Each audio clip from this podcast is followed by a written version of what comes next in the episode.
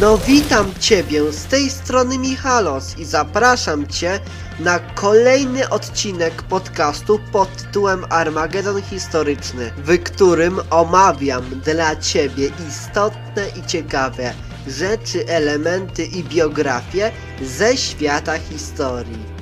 Zapraszam i życzę miłego oglądania.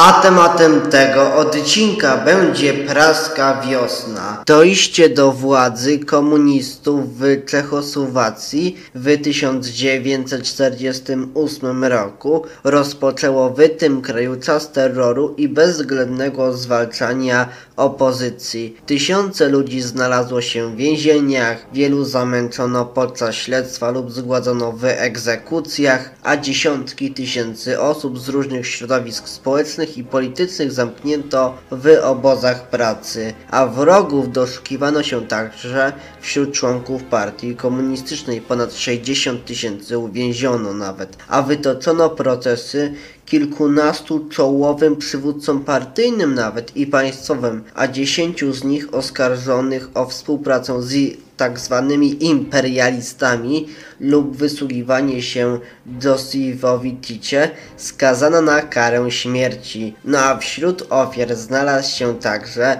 Radolf Slanski, wicepremier i były sekretarz generalny KC KPCZ, a politykę pierwszego przywódcy czechosłowackich komunistów Klementa Gottwalda kontynuował po jego śmierci w 1953 roku Antonin Nowotny. Choć współodpowiedzialny za zbrodnie okresu stalinizmu, zdołał on utrzymać się przy władzy skutecznie, tłumiąc wszelkie tendencje reformatorskie, jakie nastąpiły po śmierci Stalina. No a upadek Nowotnego nastąpił w momencie, gdy rosnące niezadowolenie zaczęło ogarniać także najbliższych współpracowników, a ofensywę przeciwko Nowotnemu rozpoczął przywódca słowackich komunistów Aleksander Dubczek, doprowadzając do ostrego kryzysu w KC i w rezultacie do ustąpienia 5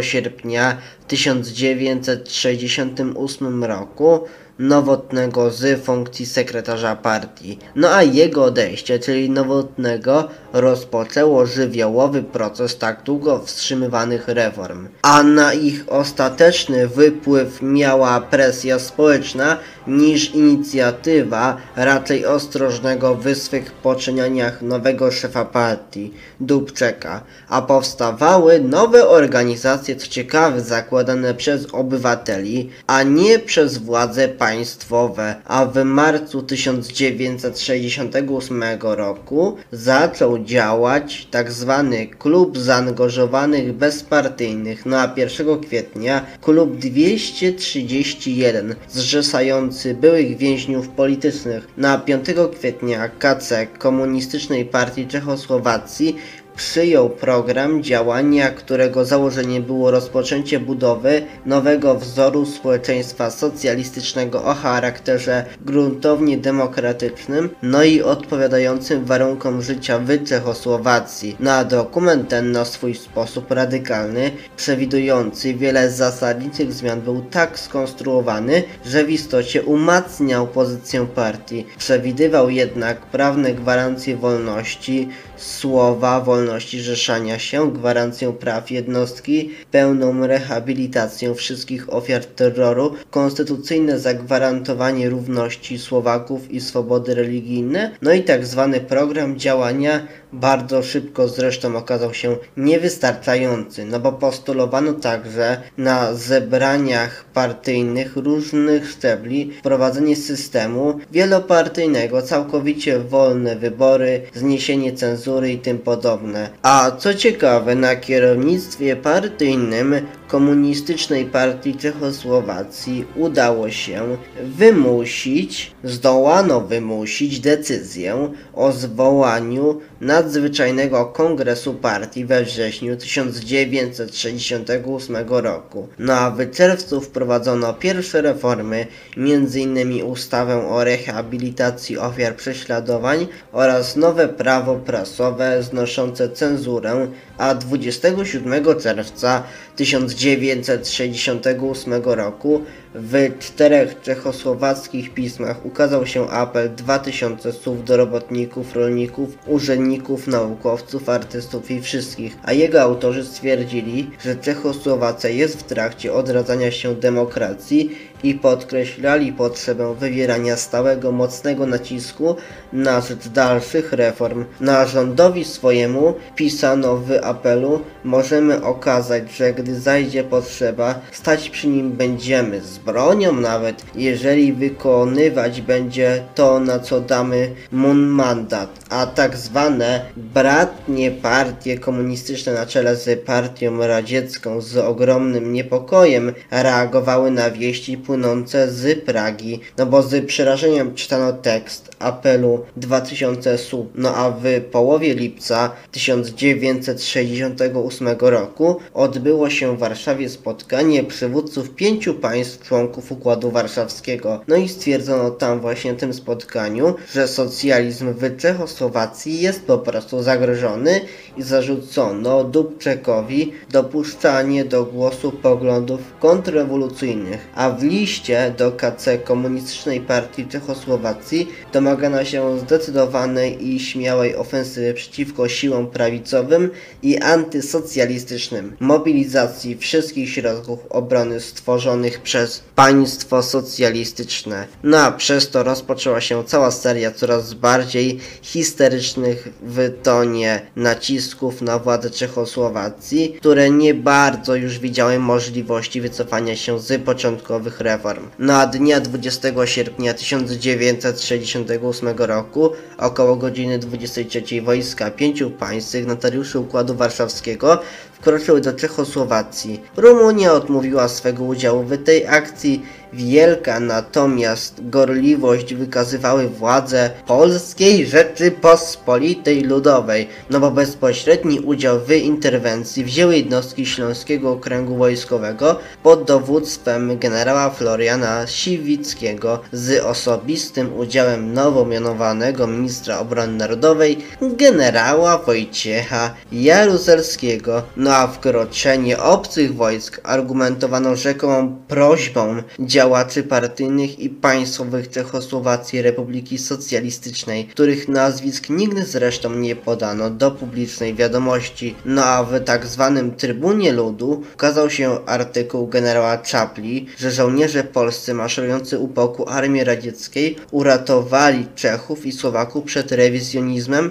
sionizmem, armią USA i Bundeswehry. A tymczasem czechosłowackich działaczy państwowych i partyjnych uprowadzono do Moskwy, gdzie starano się nakłonić ich do zaakceptowania inwazji, a pod naciskiem zgodzili się oni na zwołanie w najbliższych dniach posiedzenia KC i usunięcia ze stanowisk osób nie dających rękojmi umocniania kierowniczej roli klasy robotniczej i partii komunistycznej. No a Dubczek miał pozostać jeszcze przy władzy, gdyż jak sądzono w Moskwie, jego popularność mogła dopomóc w tak zwanej normalizacji. No a przypuszczenia te okazały się błędne, no bo narastało powszechne oburzenie tak z powodu agresji, jak i ustępliwość władz, agonia i tak zwanej praskiej wiosny trwała jeszcze wiele miesięcy. Dochodziło do nieustannych demonstracji, strajków, a dramatycznym protestem przeciwko okupacji i zaniechaniu reform była samobójcza śmierć przez podpalenie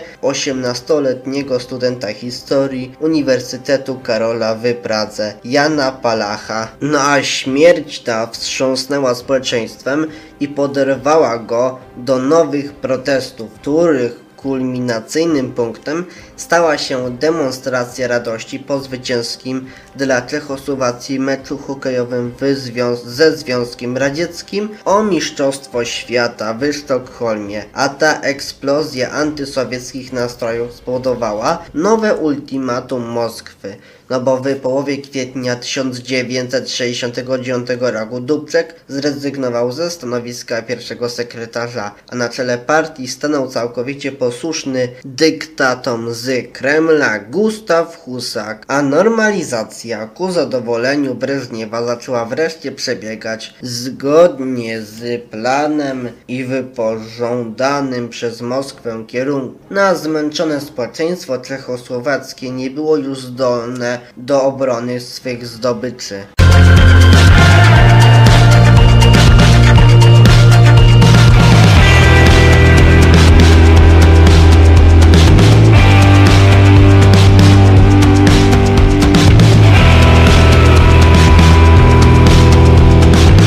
Niestety, ten odcinek dobiega już do końca. Więc bardzo bym chciał Tobie podziękować za to, że poświęciłeś swój cenny czas na ten odcinek i bardzo bym chciał też Tobie podziękować za to, że doszłeś do końca tego odcinka. A jeśli spodobał się Tobie ten odcinek, no to możesz podzielić się nim z innymi, udostępniając go na swój profil na Facebooku, na LinkedInie, na Twitterze, etc., etc.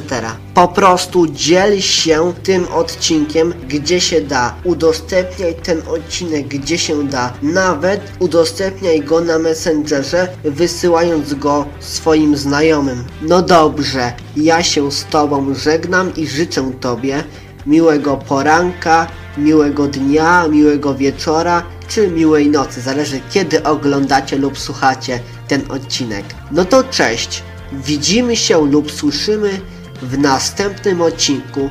Do zobaczenia, pa!